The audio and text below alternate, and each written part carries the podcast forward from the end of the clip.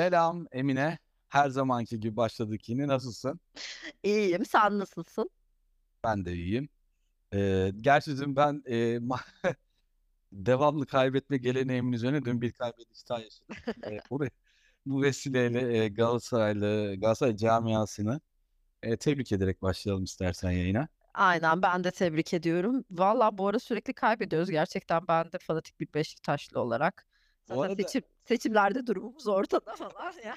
ya, ben müzmin kaybedenim. Sen gene sporda biraz da e, hani Arada değil mi? ben zaten şeyden de şüphe ediyorum. Bu haftaya da sanırım e, bugün bir arkadaş çünkü sizin bizi de geçme ihtimaliniz varmış. Aa evet.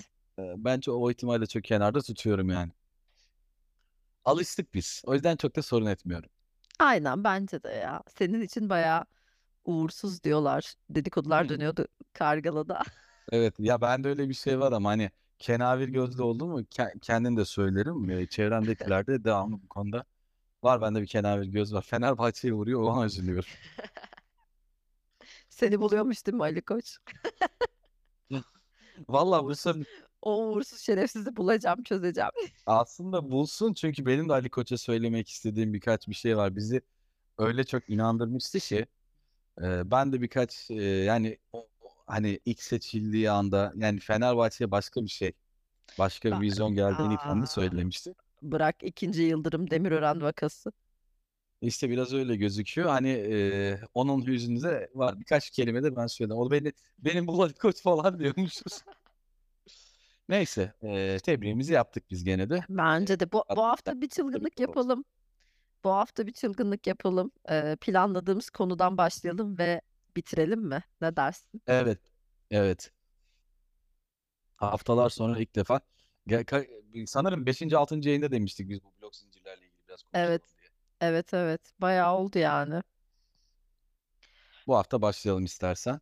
Bu Ama hafta bu baş. yayında şöyle bir şey yapalım. Ee, biraz daha böyle sonuçta ben blok zincirlerle çok iyi işte kripto ile blok zincirlerle çok ilgilenen birisi olarak hani bildiklerimden ziyade şöyle ben bir taraftayım ya sen de karşı taraftasın. Biraz daha karşı taraftan neden böyle ilgini çekmiyor ya da neleri öğrenmek istiyorsun? Öyle gitmek daha eee, güzel, daha keyifli olacağını düşünüyorum. Hani bilmeyen birisinin sorularıyla ilgili biraz daha sen yönlendir programı. Evet, ben de öyle düşündüm. Öyle planladım sorularımı. Plan sorularım var yani. Planladım derken biliyorsun ki e, bütün Bak hafta bunu bir buna çalışmadım. Onu. Bütün hafta buna çalışmadım. 10 dakika önce eczaneyi kapattıktan sonra oturup Tamam beklediğim planladım. gibiymiş o zaman. Çok da çılgın. Güzel. O zaman ilk sorumla başlayalım istersen. İlk sorumla başlayalım. Ee, şöyle, Tamam. Coin'in sanal paranın ne olduğunu kısaca anlatmak ister misin? Yoksa bunun artık herkes tarafından bilindiğini kabul edip şeye mi geçelim? Merkeziyetsiz olmak nedir? Aslında coin, coin'in ne olduğunu kısa şöyle bir şey söylemek gerekiyor. Yani çünkü çevremde çok insandan bunu duyuyorum. Ee, hani var olmayan bir şey, var olmayan hayali bir şey, işte balon bir şey. Balonluğu tartışılır. O farklı konu da. İşte var ol, ben elimle tutacağım elimle diyor adam. tutmuyorum. Çoğu Evet. insan bu. Belki sen de diyorsun. Aslında bu bir Yani elle tutulmayan, gözle görülmeyen hani böyle varlığı böyle çoğu insanın bilmediği için coin'i sanki böyle isim olarak biliyoruz da bana tam olarak karşılığını bilmiyoruz gibi geliyor. Coin dediğimiz şey öyle hani yok var olmayan bir şey, dijital var olmayan bir şey değil. Dijital ortam, dijital aset diyoruz bunlara. Tamamen varlığı sözleşmelerle yani dijital sözleşmelerle, e, kontratlarla gara teminat altına alınmış varlığı kesinlikle e, yok sayılamaz bir şey. Var. Gerçekten de bir kontrat var ortada. Kontrat kısmına sonra gireceğim. O kontratta da o coin'in bir karşılığı var. Sadece e, bunu dijital ortamlarda yazılmış kodlar olarak düşünebiliriz ama varlığından yani böyle balon ne elimle tutmuyorum. Balon havada mı? Havada değil. Böyle bildiğin erişilebilir, ulaşılabilir bir şekilde istediğin an dokunabildiğin bir şey. Yani sadece e, böyle borsa ekranlarında ben şunu aldım, bunu sattım. İşte onların e, kara defterlerinde listelenmiş bir şey değil. Gerçekten de ağda böyle bulut dediğimiz şeyde gezen varlıklar bunlar.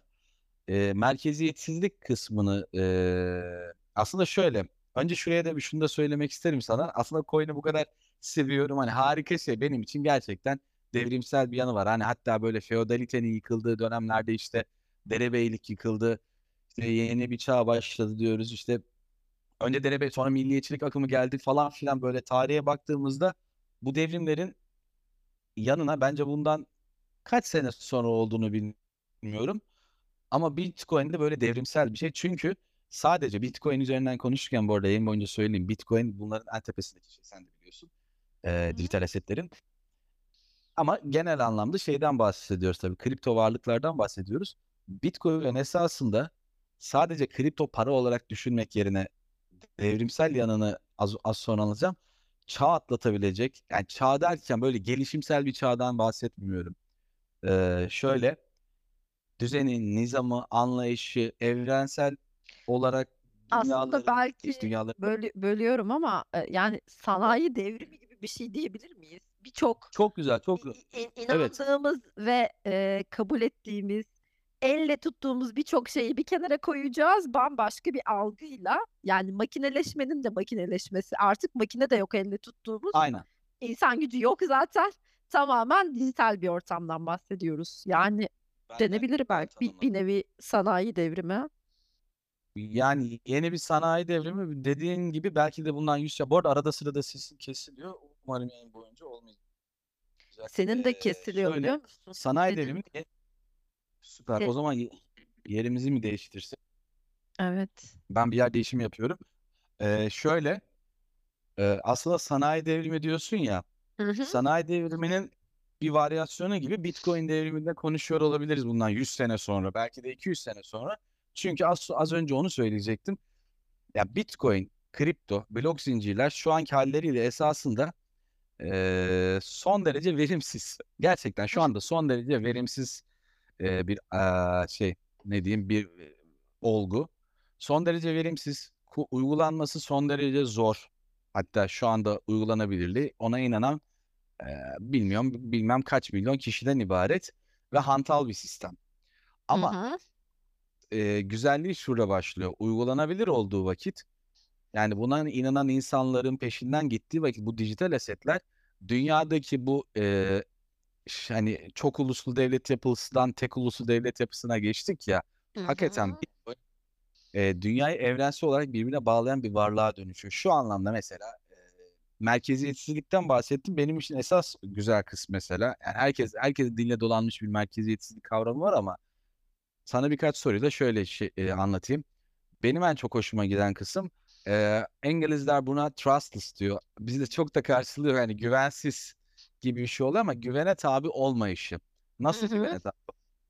Mesela çok yakında bir örnek yaşadık. Şöyle eee, Rusya işte Ukrayna'ya saldırdı. Hı hı. Ukrayna'ya saldırdıktan sonra Avrupa ülkeleri dedi ki biz buna bir yaptırım uygulayacağız. Ve bu yaptırımı nasıl uyguladılar?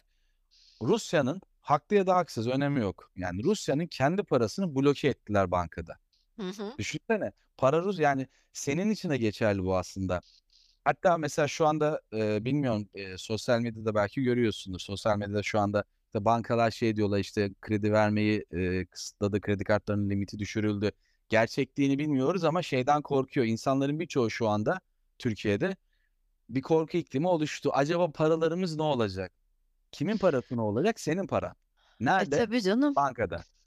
Sıkıntı burada başlıyor. Bitcoin buna bir çözüm üretiyor esasında. Varlığını tamam. Ama mesela şöyle de bir şey var bir yandan. Senin mesela çok işte eee, yüz, yüz binlerce doların var.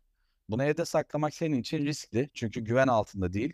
Ya da o yüz binlerce doları koyabileceğin bir yer yok. Banka diyor ki sana gel bunu benim bankama koy. Ama sıkıntı şurada. Bak şu anda mesela birçok insan acaba bankalarda sorun olursa benim paramı bloke ederler mi? Bundan Evet. birçok insan korkuyor. İşte güvene tabi olmama kısmı burada başlıyor. Senin varlığını ne kadar güvenirsen güven. İş Bankası olsun, Halk Bankası olsun. Hiç banka adlarının önemi yok. Yani garantisi yok. Belki bir gün bir tanesinin kasası soyulacak, Ya bir boşalacak. de mesela yaşamadık mı bunları ben yanlış hatırlıyor olabilirim. Bayağı küçüktük biz sanırım ama Etibank batmadı mı bu ülkede Evet, mesela? dünyada birçok batan banka da var bu arada. Evet. Tü- Türkiye'de var, dünyada var. Ee, bizde mesela İmar Bank mudileri var. Bu insanların parası vardı ve bu parayı bir yere güvenmek zorunda olarak saklayabiliyorlardı sadece. Başka bir yerde saklama şansı yok. Çünkü çok büyük varlık. İşte altın olsa mesela bir kilo altın işte çok daha çok daha büyüklerinden bahsedelim. 100 kilo altın olan insanlar vardır. Bu altınları nasıl saklayacaksın?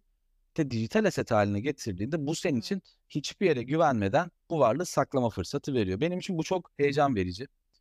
Ama bunun yanında eee, makro düzeyde baktığımızda mesela işte şu anda dünyanın rezerv para birimi nedir?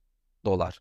Amerika bu dolarla dünyadaki tüm varlıkları kontrol edebiliyor. Paranın nereye üzerine küçük bir koda diyor kod, kod atıyor e, seri numarası. O seri numarasıyla yani kim ne yaparsa bunu kötü niyetliler de yapabilir. Bu arada blok zincirlerin bu yana da e, tartışmalıdır. Kötülere de müthiş bir öz, e, finansal özgürlük alanı açıyor. Bunun engelleyici mekanizması yok. Ee, Çünkü ama sahibi yok. Evet, sahibi sahibi yok. Yani çok güzel sahibi yok. E, isteyen istediğini yapabilir. Kötü kötü de yapabilir, iyi de yapabilir. Ama mesela şu anda dünyada Amerika dünyada dönen parayı ne nerede ve bu yüzden de elini de güçlendiriyor. Yani sen bir şey yapmaya kalktığında senin ne yapacağını seri numarasından takip edebiliyor. Ne de ne yapmış olduğunu. Halbuki ben son derece ki hani bugün en çok önem verdiğim şey kişisel verilerin korunması kanunu. Evet. Ben Emine'yle bir alışveriş yapıyorum ama bunu Amerika bir takip edebiliyor. Çünkü seri numarası onlarda. Her şeyin seri numarası onlarda. Ve bu dünyayı, e, şey bu dünyada Amerika'yı egemen güç olarak kılmayı sağlıyor. İşte Bitcoin mesela bunu yıkıyor.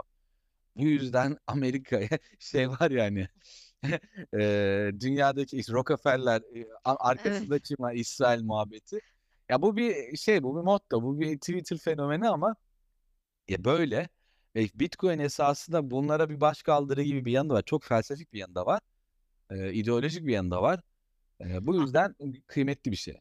Yani ben de mesela e, ideolojik yanından bahsetmek istiyorum biraz. Böyle anarşist bir yapısı Tabii mı tabii. var, kapitalizmi mi besliyor anlayamadım yani. Aslında şöyle orada e, anarşist bir ruhla doğdu. Bundan e, bu bu arada blok zincirler bu 2008 e, Bitcoin.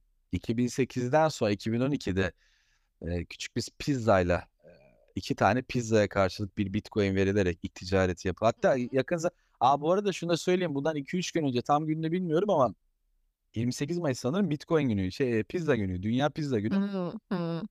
Metaforu da şey, dünyada Bitcoin yapılan ilk ilk alışveriş e, bilmem ka- e, 2015 miydi tam hatırlamıyorum. 2015'inde adamın teki bir Bitcoin karşı hatta iki Bitcoin yok bir Bitcoin karşılığında iki pizza aldı. İki derin pizza aldı ve ilk ticareti oldu. Buna da işte böyle bir göndermesi var. Ee, anarşist yanı var mı? Kesinlikle. Bundan çok yıllar evvel e, Satoshi Nakamoto bir konse e, bir fikir ortada var olan bir fikri bu arada var olan bir fikri ortaya attı dedi ki ya dedi efendiler dedi günümüzde her şey e, merkezi yapıyor. Yani mesela bu şu mesela şu yayın bile nasıl oluyor? Biz bu yayını e, kendi aramızda yaparkenki kısmında dahi veriyi e, şu anda Skype'ın sunucularına yolluyoruz. Skype diyor Evet. ki sana Uğur sana bunu dedi. Sen diyorsun ki bana şey tamam ben de Uğur'a bunu. Hep, bunlar hep Skype bize gönderiyor. Sonra biz bu yayını Spotify'a yüklüyoruz. Dinleyiciler Spotify'ın sunucularından alıyor. Yani data, bilgi, para dahil her şey bir merkezi sunucuda. Bu da bu verileri tutana, bu parayı tutana bankalara güç sağlıyor. Ee, yani sonuçta dünyadaki sonuçta e, sen bugün e, ceb, gerçi Merve benle hep dalga geçer cebimde çok para tutmadığım için ama sen cebinde kaç para tutuyorsun? Ne kadar tutuyorsun? İşte 2000 lira 3000 lirayla geziyorsun. Ama senin ticari hacmi, ticari hacmin yıllık milyonlarla ölçülürken senin cebinde duran para bir yılda e, 365'te çarp işte kaç kaç bin liraysa bilmiyorum. Milyonluk bir hacim yaratıyorsun ama o hacim devamlı bankalarda. Ve bu Evet. bankalar, bu bankaların sahipleri, Rockefeller, ya bu bankaların e, egemen güçleri dünyaya yön veriyor. İşte Bitcoin diyor ki arkadaşlar para sizde olsun. Var, size ait olan varlık sizin cebinizde bulunsun. Bunu gidip de e, bir yere güvenmek zorunda olarak bir yerde tutmayın. Kendi cebinizde tutun. Kendiniz yönlendirin. Asetiniz sizin cebi. Hani çok meşhur bir laf var. Sizin hakim e, bit işte kripto dünyasında yönetemediğiniz para sizin değildir. Halbuki bizim olması gerekiyor. Bitcoin diyor ki sizin olsun. Blok zincirler bambaşka bir dünya. Herkes ne oluyorsa görsün. Mesela şu- geçen gün e, bu arada bununla ilgili de konuşmuştuk. Mesela seçim güvenliği. Bugün Evet. Dünyada birçok ülkede seçim güvenliği çok büyük sorun bu arada. Sadece ülkemizde değil. Ee, sandıkları terk etmeyin diyorlar. Ee, dijital olarak yaptık da bu arada ben onu baktım. Ee, nerede? Avusturya'da. Avusturya'da şey olmuş. Dijital olarak seçim yapılmış. Avusturya mıydı, Kanada mıydı? Hatırlayamadım. Hatırlayamıyorum. Dijital olarak bir seçim yapılmış. İlginçtir. Dijital olarak yapılan seçim çok verimsiz olduğu için ve bir sürü e, bir sürü saldırıya maruz kalmış. Sunucular çalışmamış, merkezi sunucular çalışmadığı için e, yapılmış ve bir aday kazanmışken sonra demişler ki bu olmadı. Biz e, Biz yeniden manuel sisteme dönelim? Heh, Allah aynen kahretsin. geleneksel geleneksel sistemli bir seçim yapılmış ve seçimi karşı aday kazanmış. Öf, şaka gibi yani. Evet. Ama işte blok zincirler böyle çalışmıyor. Blok zincirler e, çünkü merkezden veriyi almıyorlar. Sunucular merkezi sunucular değil. Yani o verileri yönlendirecek, yönetebilecek ya da kötüye kullanılabilir, manipüle edecek bir şey yok orada da. Çünkü giden her oy kaç milyon kişi varsa herkesin görebildiği dağıtık de- defter teknolojisi diye bir şey var blok zincirlerde. hı. Ortada bir defter var, evrensel bir defter. Var olan her şey, her blok, ya blok zincir dediğimiz o her blok bir sonraki bloğa ekleniyor. Var olan her bilgi o dağıtık deftere, dağıtıktan kasıt herkes erişebiliyor. İsteyen herkes, güzelliği burada. Ha tabii bunun için elbette yazılım bilgisine gerek var. Ama ve lakin sana şu fırsatı tanıyor. İsteyen herkes o defterde ne yazdığına bakabilir. Bu muazzam bir şey değil mi Emine ya?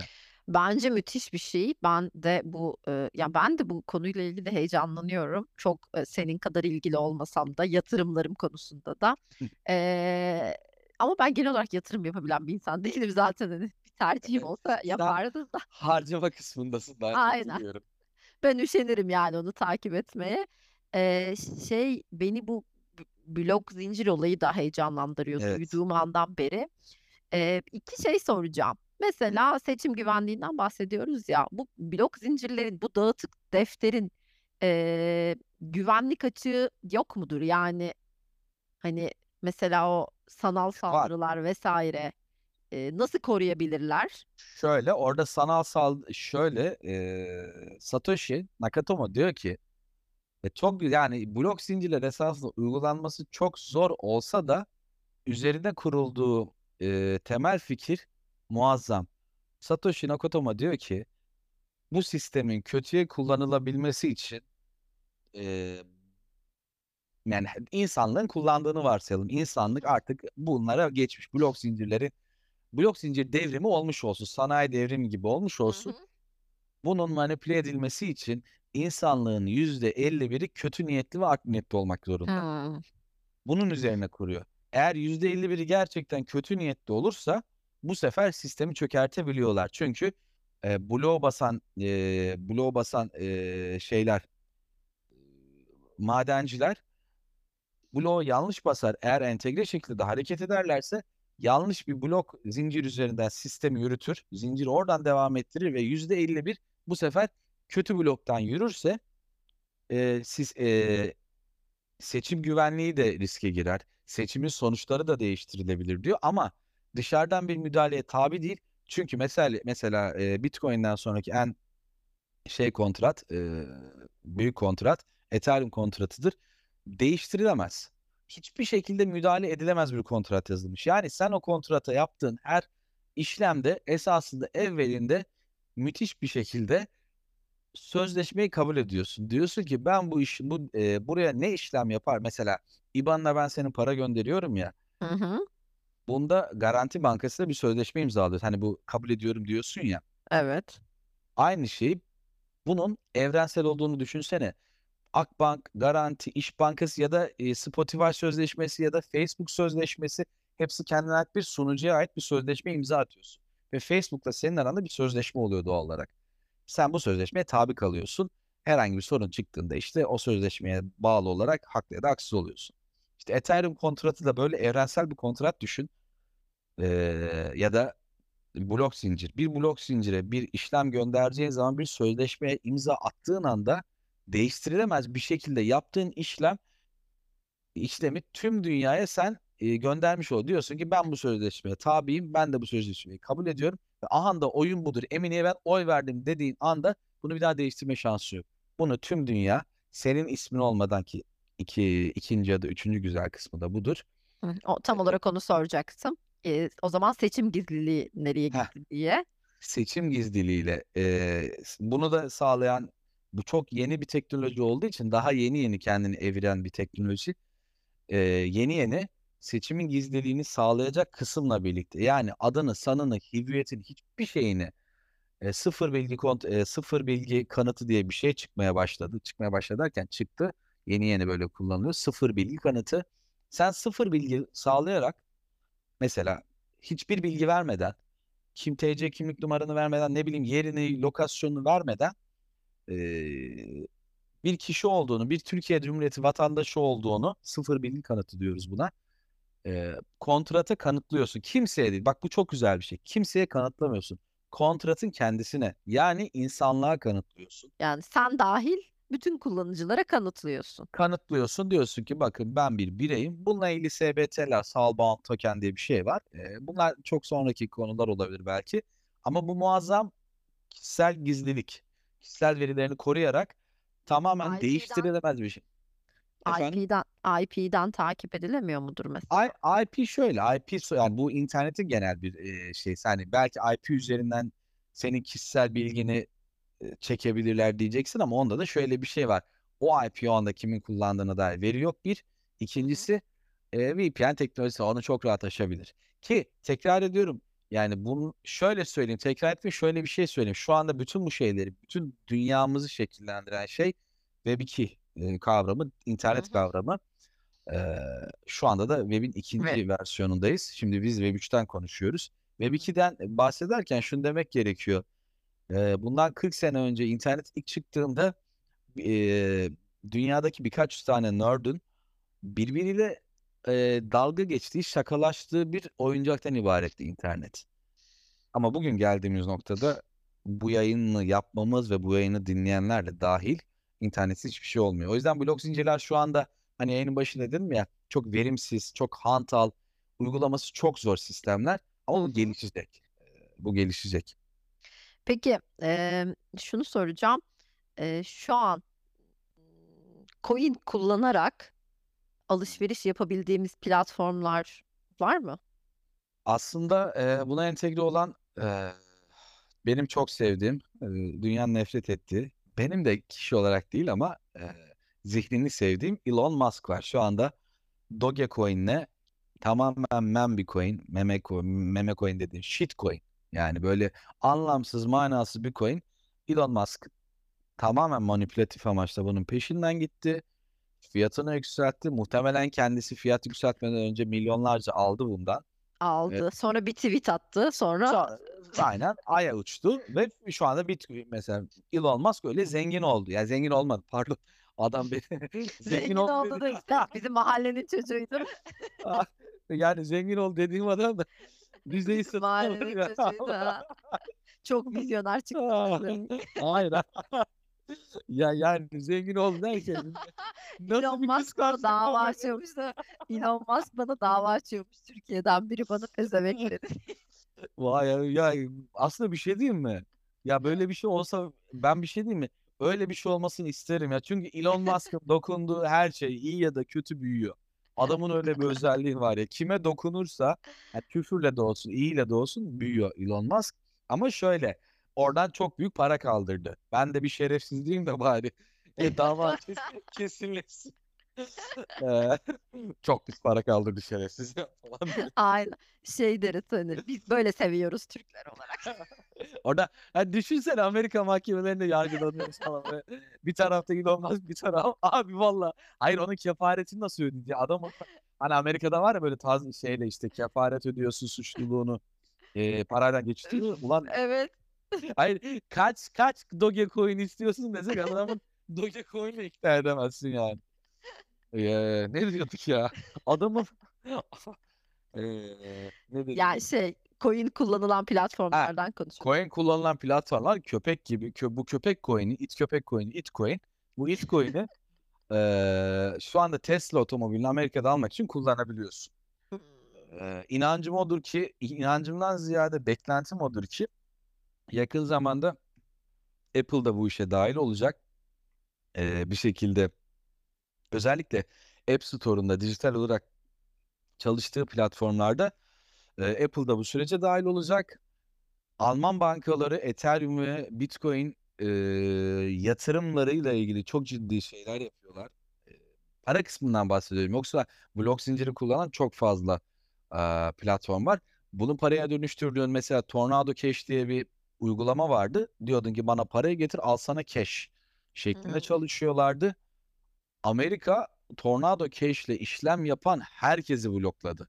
Herkesi yasal olarak eee, şey altına, zan altında bıraktı. Bunlar yasa dışı eylemler eylemleri eylemlerdire çevirdi. Çünkü Amerika için çok büyük risk. Şu anda şu net söyleyeyim. Eee, dünyada Bitcoin devrimi yani devrimsel anlamda şu anki şekli şu anda sidikli bir yürü kullanıyor bunu. Hani tamam balinalarımız var böyle parayı hayvan gibi akıtan Hımm. $1 trilyon dolarlık bir sermaye var ama e, geleneksel tarafta 40 trilyon dolar geziyor. Yani 1 trilyon bile değil şu anda 800 milyar dolara düştü. Hani diğer tarafta gayrimeşru olmayan 40 trilyon dolarlık bir sermaye var. O yüzden bizim tarafımız çok sidikli şu anda. Ama bu dönerse eee Bitcoin'de bir devrimsel anlamda bir şey olursa bunun klasik herkesin Amerika ne zaman yıkılacak eee, senaryosunun başlangıcı olması muhtemeldir yani. Eee, yani ona göre bir planı projesi vardır diye düşünüyorum ya. Tabii, va işte sıkıntı orada başlıyor. Yani biz bunu istiyoruz da ya Amerika istemedikten sonra kime ne?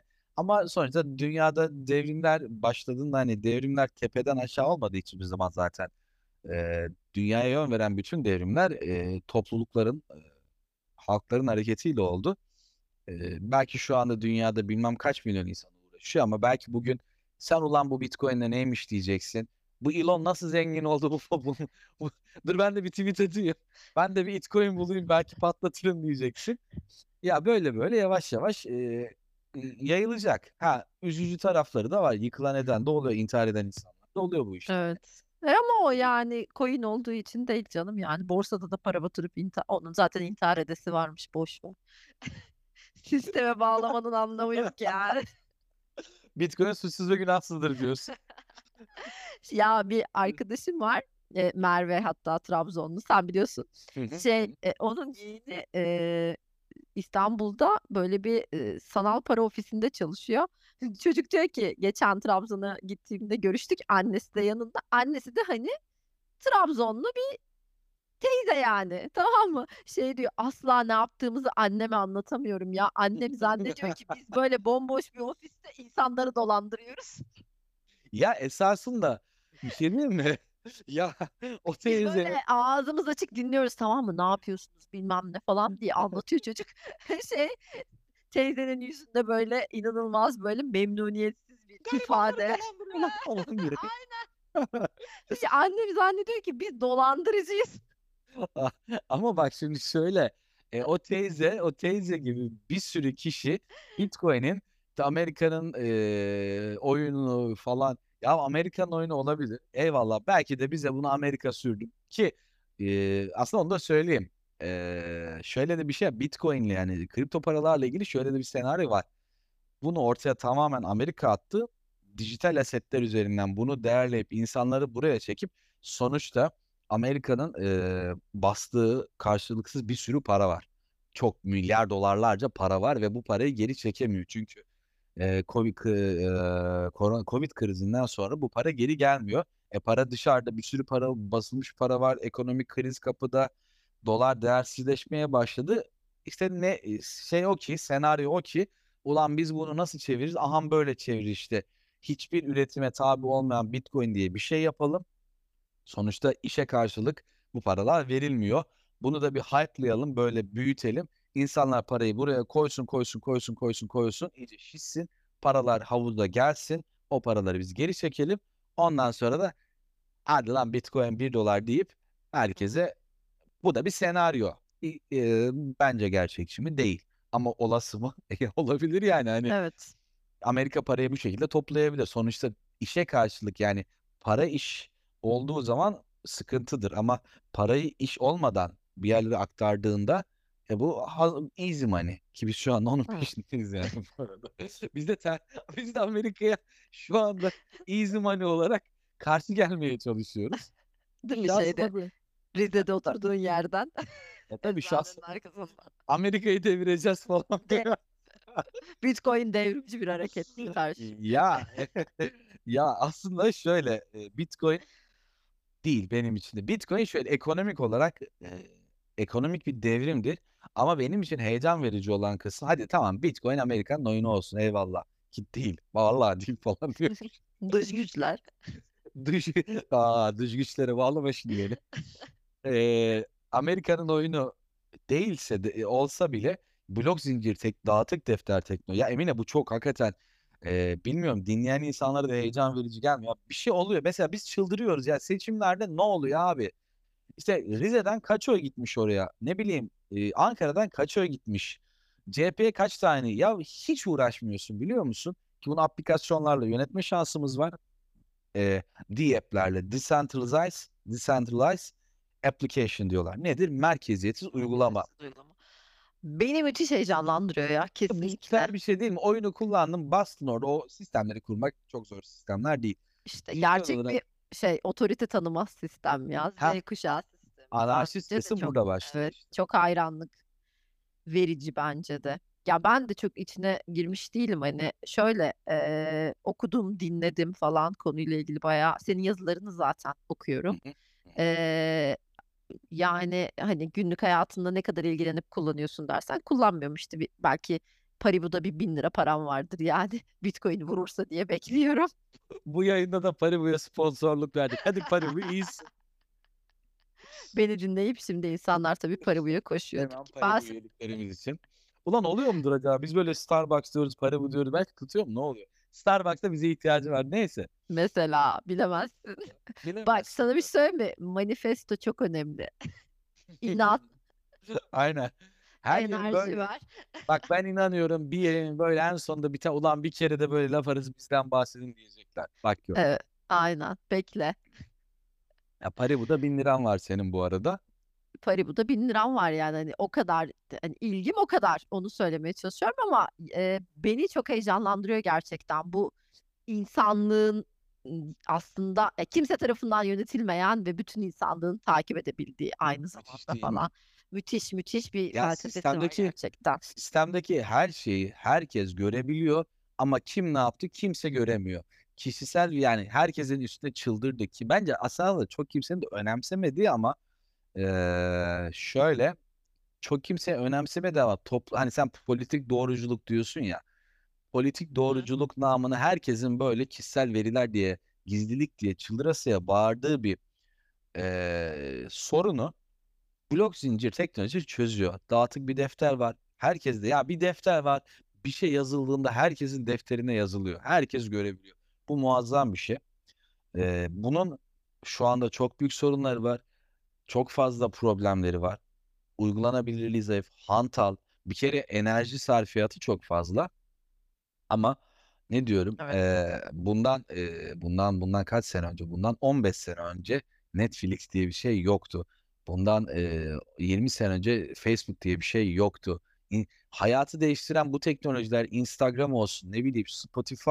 Yani Spotify için şu an 10 sene önce böyle bir Spotify yayından bahsedebiliyor muyduk? Yok ama Tabii ki insanlar ya bunu bir talep de etti. mesela şey uygulama üzerinden ödemeler falan da fantastik yani düşünsene Hı. işte gidiyorsun e, yine Starbucks'a uygulamadan çat kare okutuyorsun Bitti işte gitti. bitti gitti yani ben Ya hakikaten çok hızlı her şeyi şey çok esasında çö- hızlı. ço- çözebilecek bir sistemden bahsediyoruz.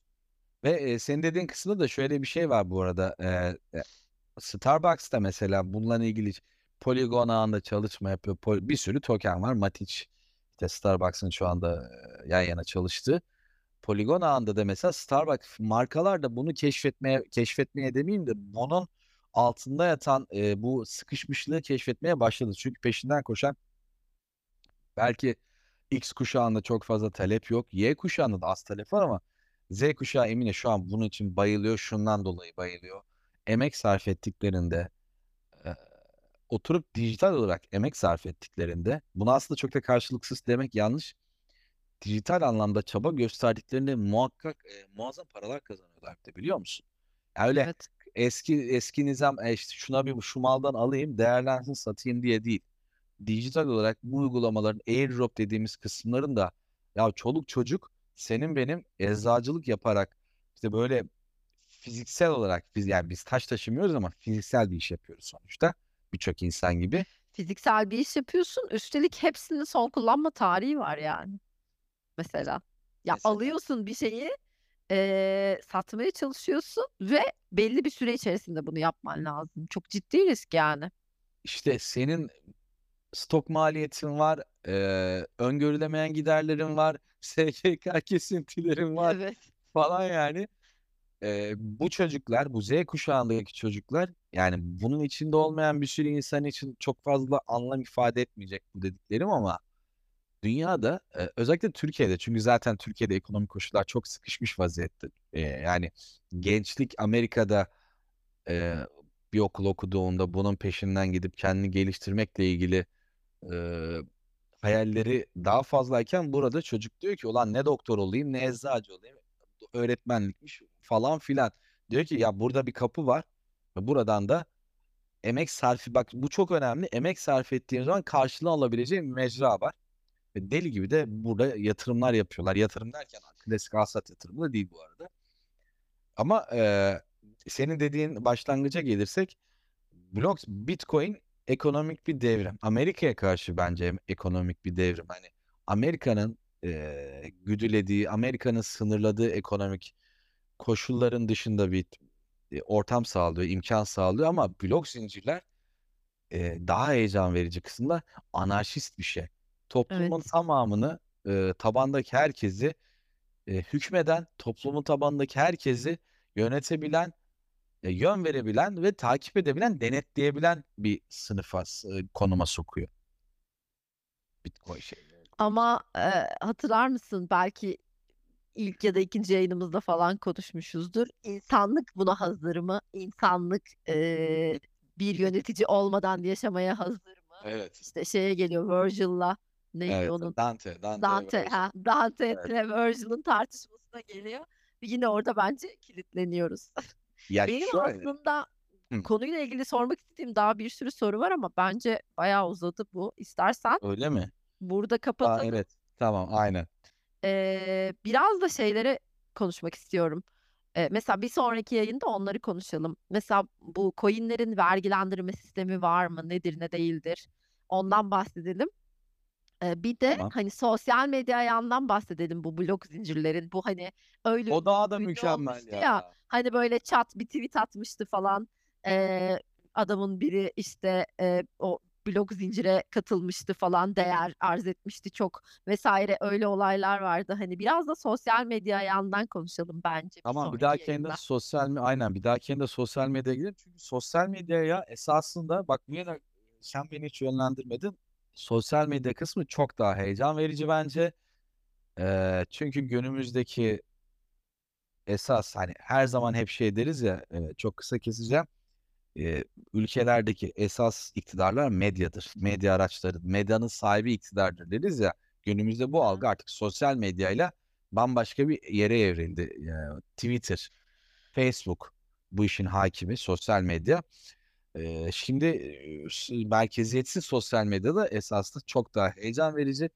İşte Ee, ama o bambaşka bir konu başlığı ya o yüzden evet en bir sonunda dahaki söyledim. yayını Çünkü onun aynen, üzerine de en az yarım saat konuşulur yani. Ee, ki onu konuşmadan önce de hiç bilmeyen birinin bu soruları cevabını az çok duyması gerekiyordu bence en baştan.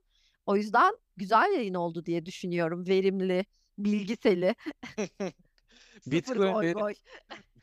Bi- Bitcoin verimsiz ama biz yok arada bir Elon Musk'a yalnız bu yayının sonunda inşallah hakikaten e, bir bu şey Elon Musk'tan böyle şerefsizler için böyle bir süreç başlamaz. Ne bileyim inşallah başla. Başlasın isterim bu arada. Göreceğiz. Ee, Galatasaray'ı tebrik ediyoruz. Bir dahaki yayında e, senin sosyal medya ile ilgili sorularını da e, inşallah cevaplarız. Bir söyleyeceğin var mı? Yo, görüşmek üzere o zaman. Tamam. Görüşmek üzere. Herkese. Hoşçakalın.